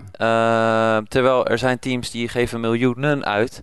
Eh, of die zijn aan het besparen. En eh, die spelen echt dramatisch honkbal. ja. En op de een of andere manier voor 8 miljoen kijk ik iedere keer naar een team. Hier 86 en 67. Kijk ik wel naar een team waarvan ik denk van... Nou ja, er zit wel weer wat in voor de toekomst. Ja. Ah, dit, is toch, dit is wel heel extreem. 8 miljoen heb ik nog nooit gezien. Ja. Dat zijn maar 25 spelers hoor. Dus het- er blijven dus maar 25 spelers over op het roster. eh, na dit seizoen als er niemand bijtekent. Dus daar komt die 8 miljoen vandaan. Want als je dan kijkt naar de Oakland A's die 29ste staan. dus één plekje boven de Tampa Bay Rays. Die hebben een payroll van 18 miljoen. Maar dat is verspreid. Dat is ook niet veel. Dat is ook niet veel, maar dat is verspreid over 29 spelers. Ja. Moet je nagaan, hè? die hebben een payroll van 29ste in de MLB volgend jaar. Eh, en die staan nu gewoon, doen ze mee voor de, ja, voor de playoffs. Ongelooflijk. Maar ze hebben wel denk ik een paar contracten die na dit jaar aflopen. Ja, ja, op dit moment eh, is, eh, is het 80 miljoen, hun payroll. En die zakt dus van 80 miljoen van dit jaar naar, wat zei ik nou net? Eh 17, 18. 18, 18, komma nog wat, 18,1 miljoen volgend jaar. Nou, daar kan je wel wat leuks doen deze winter. Daar kan je wel wat leuks bij doen, ja. Eh, De White Sox 28ste, een payroll van 30 miljoen, verspreid over 29 spelers. En dan de Twins met 38 miljoen en de Marlins met 46 miljoen en de Padres met 49 miljoen. En dat zijn de enige teams die onder de 50 miljoen blijven, zoals het nu staat volgend jaar. Dus dat zijn dan de, de vijf, eh, vijf teams die zonder problemen dat geld zouden kunnen besteden. De Phillies, die toch al voor volgend jaar bijna 70 miljoen op de payroll hebben staan. Achter- Ja. 68,9 miljoen. Dus ik weet niet helemaal waar dat verhaal vandaan komt dat ze eindeloze ruimte zouden hebben. Want met Machado en Harper erbij schiet je payroll toch al gauw met eh 70 miljoen per jaar omhoog. Dus dan schiet je in één klap naar de 150 miljoen. Ja. Maar zie, zie, jij, zie jij überhaupt het scenario voor je dat twee van die grote namen zeg maar op hetzelfde team gaan spelen? Jawel. Oké. Ja, dat zie ik wel gebeuren, ja. Tenzij ze natuurlijk de verdette willen zijn van, van het team. Maar ik bedoel, eh, ik denk dat het enige wat die jongens willen is honkbal, honkbalkampioenschappen winnen. En als dat betekent dat je met meerdere goede spelers kan gaan spelen, dan betekent dat alleen maar dat je kansen vergroten, volgens mij, om een kampioenschap te winnen. En het kan Ja. prima. We hebben die teams van de Yankees in de jaren 90 gezien, die bestonden uit alleen maar verdettes. Eh, en, en de Cubs die natuurlijk ook een handvol eh, echte supersterren hebben nu. En de, en de Dodgers. Het, het kan wel. Ik, ik zie het wel gebeuren. Een beetje, een beetje de Miami Heat van een paar jaar geleden. Zou dat dan zijn? Ja, ja, ja. Nee, precies, precies. Ja, dit voelt wel weer... eh, ik bedoel, we zitten nog volop in de season. En, en we komen nu bij eigenlijk het moment dat we echt gaan honkballen. Dat zeg ik een beetje Ja, eh, nee, dat klopt. Ja, nee. Maar eh, het hierover praten brengt bij mij wel het gevoel op van... eh, het is tijd voor een sport-Amerika. Nick D'Alessi. Wie gaat waar eindigen? ja, ja, ja. eh, Een nieuwe, een nieuwe, nieuwe prijsvraag. Ja. Game. Dat, ja, dat Nick, dat even een nieuwe prijsvraag maakt. Ja, ja dat zullen, Ja. We, zullen we hem eventjes aan het werk zetten binnenkort. Eh, hij heeft het een beetje druk de komende paar weekends, maar daarna mag hij even aan de gang inderdaad. Ja, het eh, grote free agent spel dit offseason. Ik, ik heb wel echt heel veel zin in de offseason hoor nu. Het is echt eh, ja, heel gek om dat te zeggen als de playoffs nog niet eens begonnen zijn. Maar ik heb, ik heb ontzettend veel... Het, het, het wordt het spannendste of het meest spectaculaire offseason denk ik aller tijden. Ja. Dus dat, dat, Ja. het, vuurwerk. Het wordt vuurwerk. Ja. Twee van de jongens die mogelijk daar ook nog een klein beetje bij horen. En dat is ons laatste echte nieuwspuntje van vandaag. Eh, zijn eh, de Mesa Brothers. Victor Victor Mesa en Victor Mesa Jr. Een aantal weken geleden hadden we ook al het over Victor Mesa Jr. toen we het over het Cubaanse nationale honkbalteam hadden. Ehm, die twee jongens, dat zijn broers. eh, de, de zoons van Victor Mesa senior. Dus Victor Mesa junior en Victor Victor Mesa. Om het allemaal maar lekker makkelijk te houden. Dat, die vader heeft blijkbaar weinig inspiratie als het aankomt op namen voor zijn zoons. Die zijn officieel free agent verklaard door MLB. Ze waren gevlucht van Cuba. Het zijn de laatste twee jongens waarschijnlijk die volgens het oude systeem eh, ja, gevlucht zijn en nu dus free agent zijn verklaard. En mogen nu overal tekenen. Dit zijn de laatste twee echt grote Cubaanse talenten, denk ik, die nog over waren. Nu de Cubaanse league een klein beetje op zijn gat lijkt te liggen. Ehm zijn goede honkballers. Vooral Victor Mesa Jr. ken ik, eh, ken ik goed uit het internationale circuit. En Lionel eh, zou er ook nog meer over kunnen vertellen. Waar het niet dat hij even wat anders aan het doen is. Ehm tja, waar gaan deze jongens tekenen? Gaan we daar een gokje op wagen? Eh, als onderdeel van het spel wel, maar ik heb er nu niet echt een beeld bij. Jij wel? Nee, ja, ik, het is bij Cubanen zit ik altijd vaak te kijken naar waar zitten de, waar zitten de andere Cubanen. Eh, want die hebben toch door de jaren heen, eh, is er wel bewezen dat die jongens vaak een team opzoeken waar al één of twee Cubanen, een organisatie waar al Cubanen spelen, heen gaan. Dus dan zou je denken dat de Blue Jays met Lourdes Gurriel een kans maken, de Astros met Yuli Gurriel. Eh Puig bij de Dodgers kan natuurlijk altijd. Eh, er lopen nog één of twee Cubanen rond bij de Braves. Eh, je hebt natuurlijk Abreu en Louis Robert en Moncada bij de White Sox. Maar ja, de White Sox zitten natuurlijk aan die penalty vanwege het tekenen van eh, Louis Robert. Dus dat, ik denk niet dat die genoeg geld op de mat kunnen leggen. Dus die- vallen dan al af. Ja, ik, ik vind ze wel bij de Blue Jays passen, denk ik. Ze zijn een beetje vergelijkbaar met Lourdes Gurriel qua spelers. Dus ik zie wel dat, dat, ik, dat zie ik wel gebeuren, eventueel. Misschien de Orioles, Ja. die nu eindelijk een keer op de internationale markt iets willen gaan doen. Ja. Eh, dat zou wel meteen zoiets hebben van, nou, als we dat dan doen, dan doen we het maar gelijk goed. En ze hebben natuurlijk zoveel geld te besteden, de Orioles, eh, op internationale markt. Dus ze hebben nog nooit een aankoop gedaan, geloof ik, vanaf die markt. Dus dat zou, dat zou kunnen. Maar het zijn leuke honkballers hoor. Dus wel even om in de gaten te houden waar die jongens tekenen. Dat zijn wel, wat, talentjes. Maar ja, goed, in het kader van baseball over de grenzen, als Lionel er niet is, dan noemen wij het maar even. De Er kan mailbag. zomaar binnenkort wel een update van wat dat betreft kopen, toch? Ja, ja, ja, we hadden al, ja, even een kijkje achter de schermen. We hadden Lionel al gestrikt eh, vorige week voor een, eh, voor een, een comebackje. Alleen ja, toen kwam er dus van alles tussen en er was wat miscommunicatie. En uiteindelijk hebben we de hele podcast moeten uitstellen. En ja, dan eh, wordt het weer moeilijk. Dan moeten we weer van vooraf aan beginnen. Want Lionel is een, een gewild persoon. Heel veel mensen willen graag de, de, de kijk van Lionel op de wereld horen. En wij ook. Dus we moeten weer eventjes eh, achteraan in de rij voor het reserveringssysteem van Lionel Stuten. Ehm, Yes. de mailbag. Volle mailbag deze keer. Dank jullie ook wel voor de, eh, het reageren op de, het Twitterbericht dat wij anderhalf uur geleden er nog even uitgeknald hebben. Want terwijl wij zaten te praten, Mike, net, is er nog eentje binnengekomen. Dat weet jij dus nog niet. Dus Kijk. zometeen moet jij eh, aan de bak zonder dat je weet wat ik ga zeggen. We hadden dus al Sander Grasman met zijn Mike Trout vraag. We hebben ook nog via de mail al Peter Jongeneel. Eh, moet Matt Harvey eens een compliment van jullie krijgen? Want ik heb natuurlijk best behoorlijk eh, eh, stevig uitgehaald naar Matt Harvey in het verleden. Dat hij op was en klaar was. En dat het eh, eigenlijk maar gewoon beter was als hij zou stoppen. En Matt Harvey bij de Cincinnati Reds. op dit moment is hij 7 en 7. eh, met een 4,46 ERA in 23 starts. 123 innings, 105 strikeouts, 28 walks.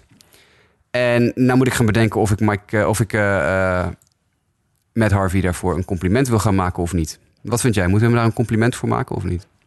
Ehm, ik moet zeggen, dit is een... eh, Oké, het is niet met Harvey zoals we hem idealiter zien. Precies, Maar ja. het is respectabel.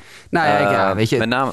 Ja, Ja? ja, je kan het op twee manieren benaderen een beetje. Als je kijkt naar het laatste seizoen dat eh, Harvey echt goed was, was 2015. Dus die 2015, 13 en 12 was hij echt, eh, echt heel goed.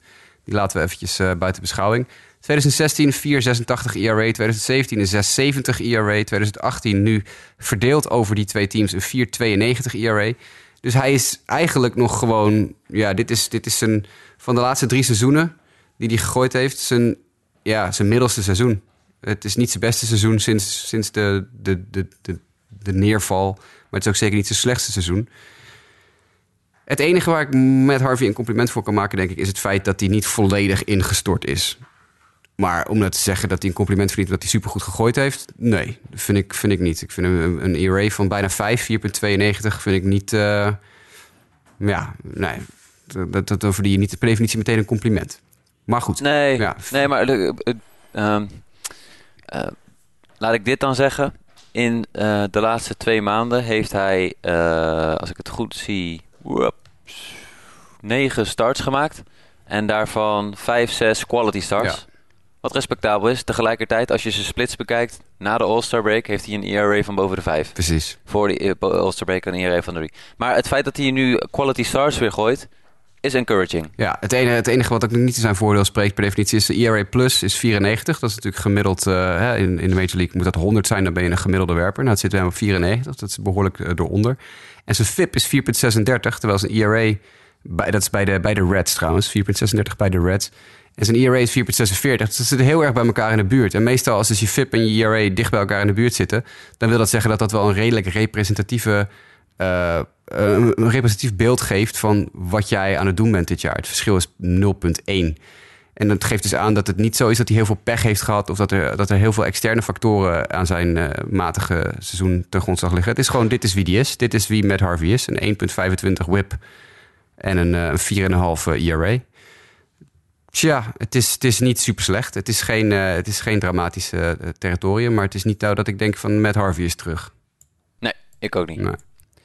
Maar ik snap wel dat Peter Jongerneel blijft informeren naar Matt Harvey. Want ik ben, ik ben heel erg kritisch geweest op, eh, op de werper. Dus dat is, ik waardeer dat ook, dat er, dat er nog steeds eventjes gerefereerd wordt aan Matt Harvey. Neil Peterson, goh, wie zou dat toch zijn? Die stuurde ons ook een mailbackvraag. eh hoe verklaren jullie het succes van de Oakland Athletics en gaan ze de wildcard halen? En jij en ik zeiden meteen toen we die vraag lazen... Poeh, dat is een goeie. Hoe, hoe, hoe, hoe verklaar je een wonder? Ja. Laat maar zeggen, dat... Want dat is eigenlijk, tenminste in mijn beleving, wat hier aan de hand is. Ik, ik heb hier... eh, eh, ik heb dit echt niet aanzien komen. Nee.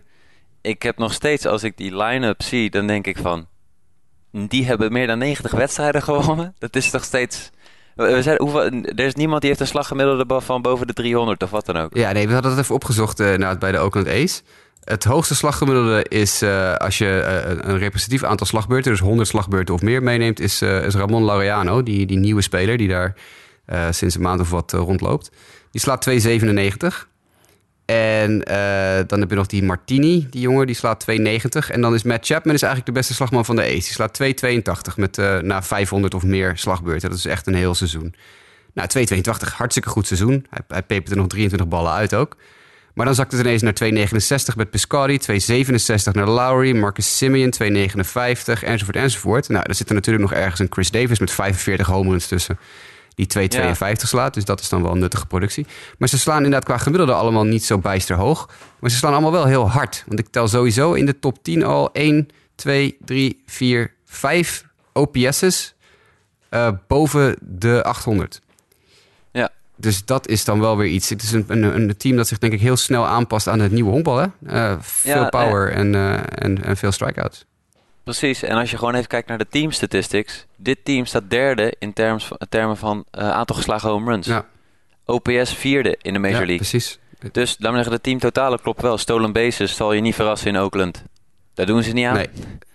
Eh, dat, dat is dan wel grappig. En dan zet je die pitching ernaast, want daar hebben we het ook over Ja, gehad. dat is heel voorgaan. qua pitching, dat is wel grappig. Totaal geen strikeout pitchers. Ah, nee, dat zeg ik even een beetje overdreven. Maar het, het, het, het team gemiddelde van de starting pitchers is 29ste van de Major Leagues. Ja. Dus die starting pitchers hebben het niet van, van, de, van de overpowering stuff. Hun, hun, eh, hun strikeout leader is Sean Manaya. Die eh, nu natuurlijk al niet meer speelt. Maar als je nagaat Ja. dat die al een paar weken uit ligt nu. En eigenlijk maar 160 innings heeft gegooid dit jaar. En dan 108 strikeouts. Wat ook echt een heel slecht gemiddelde is. Dat is echt, eh, nou ja, iets meer dan, wat is het? Drie kwart strikeout per inning of zo. Dat is, dat is helemaal niks. En, dan, en dan het nummer twee is een reliever notabene. Ja. Dus inderdaad totaal geen strikeouts. Maar eh, control en command, dat hebben ze wel. Lage whips In allemaal. termen, precies, in, in termen van eh, walks per nine en dergelijke staat dit team eh, bij, de, bij de bovenste teams in de Major League. Dus op de een of andere manier hebben ze een soort blueprint gevonden en, en verschillende puzzle pieces. Zeker als je kijkt naar de namen, dat je denkt van het Ja. zijn geen sterren. Maar het klikt, het werkt. En dat is, dat is eigenlijk wel weer een beetje, ja ik zeg Moneyball, eh, maar op de een of andere manier weten ze daar heel goed steeds puzzels te leggen die kloppen. En waardoor het team dan eh, eh, bij tijd en wijle heel goed kan spelen. En zeker dit seizoen een hele positieve uitschieter met hoe dat gaat. De grap is, daar hebben wij het net ook over gehad. eh, nou ja, zo grappig is het niet. Sean Manaya gaat dus gewoon de rest van het seizoen missen en volgend seizoen. Zij stevenen af op een wildcard game. Als zij Houston niet meer inhalen. Die kans is er nog steeds. Maar ik ga ervan uit eigenlijk dat ze een wildcard game spelen. Dat zal zijn tegen de New York Yankees. Zeg ik even. Maar dat kan natuurlijk. Ja, dat, dat worden de Yankees. Ehm, wie ga jij de bal geven? Ja, ja wie... Je hebt de keuze uit Mike Fyers, Trevor Cahill, Brad Anderson, Edwin Jackson. En waarschijnlijk zeggen de Oakland Athletics... ja, maar we doen geen van die vier en we zetten deze erin. Maar goed, als je uit die vier moet kiezen... Edwin Jackson misschien? Trevor Cahill? Ja, jij zei Fyers, hè? Ja, als je ziet hoe goed Fires gegooid heeft bij, eh, bij de Oakland Athletics. Hij is 5 en 1 met een ERA van 3 in eh, bijna 44 innings. Hij is een van de weinigen die een strikeout per inning haalt als starter. Dus ja, ik zou op dat moment zeggen, nou ja, Fires heeft, eh, heeft de beste papieren. Maar eh, nee, er is ook zeker wat te zeggen voor, voor een, een Edwin Jackson met een 3.18 ERA. Alleen ja, Jackson Ja. heeft veel minder strikeouts. Dus ja, als je dan toch een werper erop wil zetten die misschien nog een keer een strikeout gooit, dan zou je Fires moeten nemen. Maar ja, ik, Ja. Ik, zou Daniel Mengden bijvoorbeeld niet doen. Ik bedoel, die, eh, die, die staat, eh, heeft ook heel veel innings gegooid dit jaar, 110. Tussen aanhalingstekens heel veel. Eh, Trevor Cahill zou ik ook een risicootje vinden. Hoewel, ja, Cahill zou ik ook nog wel zien. Die heeft ook ervaring natuurlijk. Dus ja, ik, ik, ik vind het heel Misschien lastig. ze hem. Misschien bullpennen ze hem, dat zou nog kunnen. Ja, ja, je hebt een paar jongens in de bullpen zitten die natuurlijk ervaring hebben als starters. Hè. Blake Trainer, nou die gaan ze niet laten starten natuurlijk nu, want dat is een veel te goede closer. Eh, maar Frankie Montas is ook een starter geweest in zijn, eh, in zijn carrière. Die zou prima één of twee innings kunnen gooien. Eh, ze hebben Chris Bassett nog in de bullpen, die ook heel verdienstelijk loopt de ballen dit jaar. En ook een, een verleden als een, als een starter heeft. Overigens allebei voormalig White Sox prospects, zowel Montas als Bassett. Volgens mij zat Bassett in de Nick Swisher trade. Moet je nagaan hoe lang die al rondloopt daar. Maar dat is een ander verhaal. Dat zijn denk ik wel de enige jongens. Brad Anderson vertrouw ik nooit. Want die, die valt uit elkaar als je naar hem blaast. Ik vertrouw Yusmairo Petit en Fernando Rodney wat minder. Ja, nee, dat ik doe ik ook. Dat, is, dat ben ik ook wat, eh, maak me ook wat zorgen over. Ja, dit is eh, geen idee. Maar ja, om, om bij Niels' vraag terug te komen, ja, ik denk dat ze de wildcard eh, gaan halen. Ik denk, ik zie eigenlijk als ik naar de stand kijk, ze staan drie, even kijken, vijf en een half, vier en een half wedstrijd voor op de Tampa Bay Rays in de, in de wildcard. Ja, dat kan bijna dat niet fout ze. gaan. En acht en een half op Seattle. Nou, Seattle gaat het sowieso niet meer goed maken. Dus de enige die het nog een klein beetje spannend kan maken is Tampa Bay. Maar ik zie het niet gebeuren dat die Oakland inhalen. Als ik heel eerlijk ben. Ehm, Nee, ik ook niet. En ik, ik zei al voorafgaand aan, toen we even de outline doornamen. eh, Bob Melvin, eh, manager of the year. Ja, Kevin Dit Cash is, van de eh, Rays tweede. Ja, dit, eh, dit gaat hij... ja, precies. Ja, maar ik denk... het is ongelooflijk knap wat hij... want meestal wordt het ook aan de manager de credit gegeven. Maar dit is echt, ik vind het echt een hele indrukwekkende prestatie. De Oakland Athletics. Wij hadden met Sport Amerika eh, tien mensen hadden voor Boston in de wildcard gekozen. Omdat we heel veel van ons hadden de Yankees als eh, eerste in de divisie. En acht eh, hadden de LA Angels voor de tweede wildcard. Nou, dat is dus ook even anders uitgepakt. Ja. maar volgens mij is er niemand die Oakland boven plek 5 had. Nee, dat is volgens mij ook niet. Even kijken. 1, 1, 1. Ja, ja, ja, wacht even. Jimmy Driessen en, en onze collega Keeën. Die hadden de Oakland Athletics als, eh, als vierde in de divisie en niet als vijfde. Voor de rest hadden we inderdaad allemaal ze ze stijf onderaan. Ja, nee, dat is... eh, iets anders gelopen dan, dan gedacht. Eh, we hadden nog een mailbackvraag, namelijk Lars Leeftink.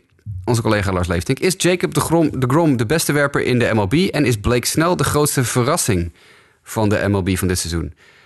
Eh, is Jacob de Grom... De, dan zeg ik weer de Grom. Is Jacob de Grom de beste werper in de MLB, Mike?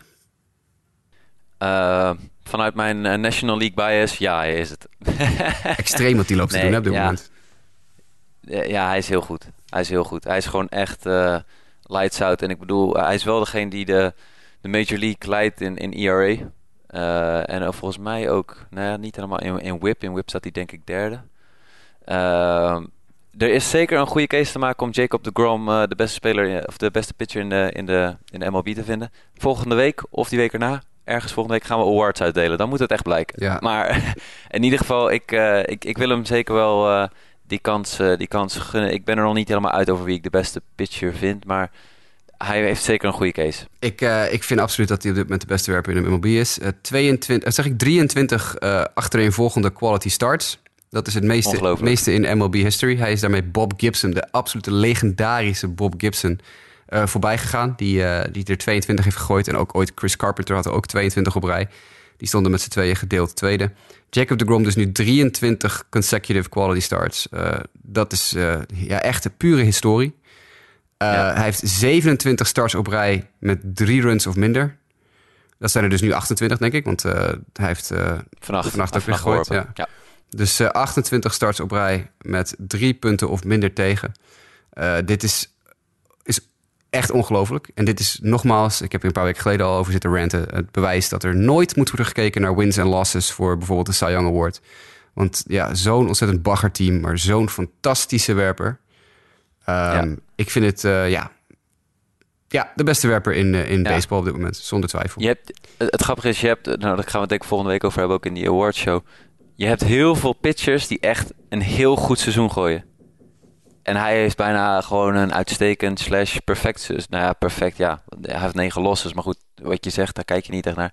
Maar kan je het beter doen dan wat hij nu laat? Ja, ik, ik, het zou mij verbazen als hij hier ooit nog overheen gaat in zijn carrière. Nee, inderdaad. Ja, dat vind ik ook. Vind ik ook. Het is uh, geweldig. En ik, uh, ik uh, zal ook zeker volgende week... zal ik alvast eventjes een tipje van de sluier oplichten. Mijn NL Cy Young vote gaat naar Jacob de Grom. is Blake snel de grootste verrassing? You call it. Zeg maar. Weet je, dat vind ik heel moeilijk om te zeggen de grootste verrassing. Is het, is het een verrassing dat Blake snel heel goed pitcht? Nee.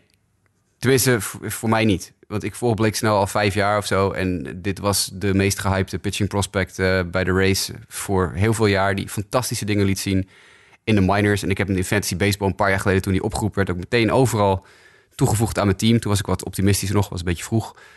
Uh, is, is het voor mij een, uh, een verrassing of een grootste verrassing... dat Blake snel zo fantastisch loopt te gooien? Nee, want ik ken Blake snel al vijf jaar. Maar kan ik me indenken dat Blake snel wordt gezien als iemand van dat iedereen denkt van hé, hey, waar komt die gast ineens vandaan? Ja, dat kan ik me wel voorstellen. Ik weet niet of het de grootste verrassing is. Op pitchinggebied misschien wel, hoewel we nog wel een aantal nee, andere werpers ja. hebben gezien dit jaar die, uh, die enorm verrast hebben met, met fantastische seizoenen. Om verschillende redenen. Maar ja, nee. Is hij niet, is hij niet gewoon hetzelfde in die zin als Aaron Nola? Ja, hij nou, heeft zijn cup of coffee ja. gehad en nu uh, pakt hij een versnelling erbij, een bal echt een hele hoge, ja. uh, dat hij echt uh, zijn kwaliteit laat zien. Ja, en bij grootste verrassingen vind ik ook altijd meer van dat zijn jongens die, waarvan ik nooit heb aanzien komen. En, en iedereen nee, roept al jaren, Blake snel kan in potentie. Of het uiteindelijk ook zo wordt, dat weet je nooit. Maar hij kan in principe uh, een nieuwe uh, jonge David Price worden. Hij werd altijd in zijn, in zijn minor league jaren vergeleken met, uh, met David Price. Ook de status die David Price bij de Rays had. Ook een lefty.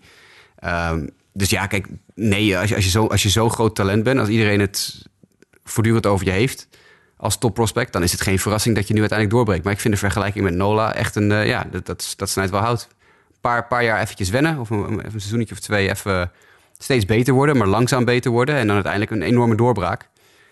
Uh, is, past wel in de lijn der verwachting van het goed opleiden van spelers, denk ik. Ja, ja. Ik denk wel dat hij, het, cool. uh, dat hij het volgend jaar nog een keer kan doen ook. Als ik heel eerlijk ben. Ik denk dat dit wel, uh, dat dit wel houdbaar is. Ja, Blake ja, snel. Ja, ja, Blake snel. ja, Ja, ja, ja, ja. ik zie dat wel. Ja, maar ik vind het... Ik, ik, uh, ja, ik zie het gebeuren dat hij zo goed gooit. Maar of hij daarmee dezelfde statistieken haalt, vind ik het tweede. Ja, nee, dat is natuurlijk. Dat is altijd voor de afvraag. 20 wins, 1,97 ERA, 0,97 whip. Ja. Ik bedoel, dat is wel echt... eh, dan moeten wel veel dingen ook meezitten, zeker als je voor de race speelt. Ja. Nee, dat is waar. Maar ja, dat, is, dat laatste is een beetje met een knipoog. Oké, dat is niet helemaal waar. Maar oké, je begrijpt Ja, wat ik bedoel. ja, zeker. Nee, maar nogmaals, ik, eh, ik, ik zie het wel gebeuren dat dit eh, herhaalbaar is. Ehm, onze laatste mailbackvraag, die kwam binnen nadat we het al even over de Braves hadden gehad. En het, een vraag die over de Braves gaat. Die komt van het Twitter- Twitter-account @badhagenees. Die vraagt, zijn de Braves for real? Komen ze een ronde verder in de postseason? En, met, en is hun huidige potentieel goed genoeg om nog een paar jaar in de top mee te draaien in de National League? Of zijn de bullpen-problemen te groot? Kortom, vier vragen in één eigenlijk. Ten eerste, zijn de Braves for real? Laten we daar een ja-nee antwoord op geven. Eh, ja, ze zijn for real. Ja, vind ik ook. Komen ze een ronde verder in de postseason? Even puzzelen. Ja, De Cubs winnen de divisie waarschijnlijk met de beste record in de National League. nou waarschijnlijk, waarschijnlijk, waarschijnlijk. Eh, laten we mijn Brewers niet eh, onder het tapijt schuiven. Laten we vanuit Oh, gaan even dat de Cubs winnen. De Central. Ja. De Central gaat winnen waarschijnlijk met de beste record. Ja. Dus dan moeten ze tegen de West Coast divisiewinnaar waarschijnlijk. Maar dit is nog heel onduidelijk en fuzzy. Ik denk dat als ze tegen de Dodgers moeten, dat ze er eigenlijk afgaan. Ja. Ik denk als ze tegen Colorado spelen, Dan hebben ze een kans. dan hebben ze een kans. Ik denk het ook wel. Op de een of. Ja. Ja. Maar goed, ik ben altijd sceptisch geweest over de Braves. Dus Ja, en ik niet. Ik, Ik- ben ik- weer, ik, ik, nee. ik heb aan het begin van het jaar geroepen, was ik een van de drie of vier mensen die zeiden eh, in onze Sport Amerika redactie, van, let op de Braves. Eh, want Ja. ik geloof dat vrijwel niemand ze zo hoog had als ik. En, eh, en, nou ja, en wat ik net al zei, Hans en, eh, en Nico en Tim. Eh, eh, ja, ik, ja, afhankelijk van... ja, Colorado kunnen ze pakken. De Dodgers worden moeilijker. Ik... eh, mm, ze zijn ook heel jong natuurlijk nog. Weinig het ervaring. verschil is ook tegen, tegen de Dodgers hebben ze niks te verliezen. Hè? Dat, dat is dan ook alweer uh, je vrijer tegen Colorado. Ja. Ja, Ja, eh, ik weet het niet. Ik, eh, ik, ik, ga denk het wel. voor. Ik ga voor... Ja, oké. ik denk ga voor niet. Ja, nou oké, dat zullen we zien. Eh, met hun huidige potentieel zijn de Braves goed genoeg om nog een paar jaar top mee te draaien in de National League. Nou, laten we zeggen de komende... No-brainer. Ja, no-brainer. Inderdaad, eh, met de hoeveelheid talent die daar rondloopt, ook in de minors, kunnen ze nog wel tien jaar vooruit. Zelfs als ze nu bij wijze van spreken nooit meer een speler toe zouden voegen aan hun eh, organisatie, dan kunnen ze nog eh, weet ik hoe lang vooruit. Dus dat zie ik ook wel gebeuren. Eh, zijn de bullpen-problemen te groot? Nee, want er lopen, ik geloof, 20 werpers rond bij de Braves in de minor leagues... die allemaal prima in een bullpen zouden kunnen gooien, morgen, bij wijze van spreken. Dus ik denk niet dat de bullpen-problemen te groot zijn.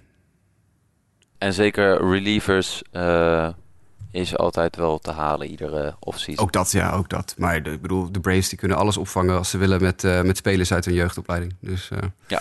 ja, nee, de Braves zijn wel serieus. eh, een, we hebben het over de Phillies gehad natuurlijk veel dit jaar, die een paar jaar eerder dan gepland al succesvol waren. Maar ik denk dat het voor de Braves ook zeker, zeker geldt, zeker opgaat.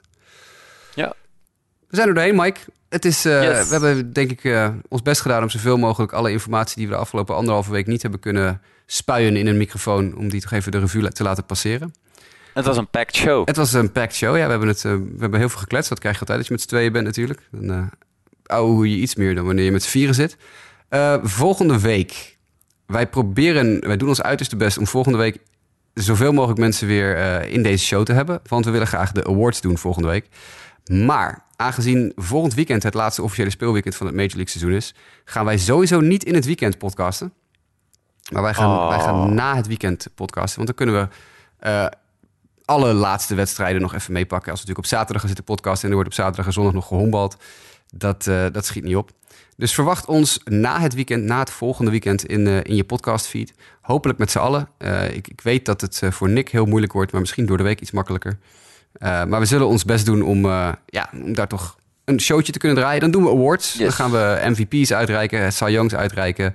Uh, managers of the Year, Rookies of the Year. Dat wordt toch een hele leuke. Uh, en dat soort zaken meer doen. En natuurlijk even een previewtje eruit knallen richting de wildcard wedstrijden. Want die zitten ook alweer, ja. uh, staan ook alweer voor de deur dan. Tot die tijd. De vraag is of wij voor die wildcard games gaan zijn. Maar we gaan ons best ja, doen. nee, dat we, we doen... We, Want die beginnen gelijk de dag na, de, na het seizoen is afgelopen. Ja, hè? Dus klopt. 2 oktober is geloof ik al de National League game. En 3 oktober is volgens mij de American League wildcard game. Zeg ik even ja, uit mijn nee, dat klopt. Lukt het ons om maandag uh, al te podcasten, doen we dat. En lukt dat niet, dan uh, is het geen preview, maar een uh, recap van de wildcard games. We doen ons best. Mocht je tot die tijd in contact willen komen met de show, dan kan dat op heel veel verschillende manieren. Ten eerste en de makkelijkste, omdat we het dan zeker altijd zien, is de e-mail justabitpodcast@gmail.com. Dat is altijd de manier die we ja, het meeste zien en het meeste makkelijk kunnen bewaren. Ik kan natuurlijk ook via Twitter. Dat is uh, twitter.com slash sportamerika, oftewel sportamerika. Uh, Mike van, uh, mdijk90 ben jij, Mike van Dijk. mdijk90. Dat klopt. Uh, D is Nick D'Alessi. Uh, JWKev is Justin Kevenaar. Jasper Roos ben ik. Dan hebben we ook nog facebook.com slash sportamerika. Daar kan je ook nog, als je wil, een, een berichtje achterlaten. Uh, kortom, mogelijkheden genoeg. Voor nu, Mike, hartstikke bedankt dat jij op deze druilige zaterdagmiddag eventjes aan wilde schuiven voor een babbeltje over de Major League. Yes. En ik zie jou volgende week weer. Yep. Voor de luisteraars, hartstikke bedankt voor het luisteren. En ook jullie graag tot de volgende aflevering.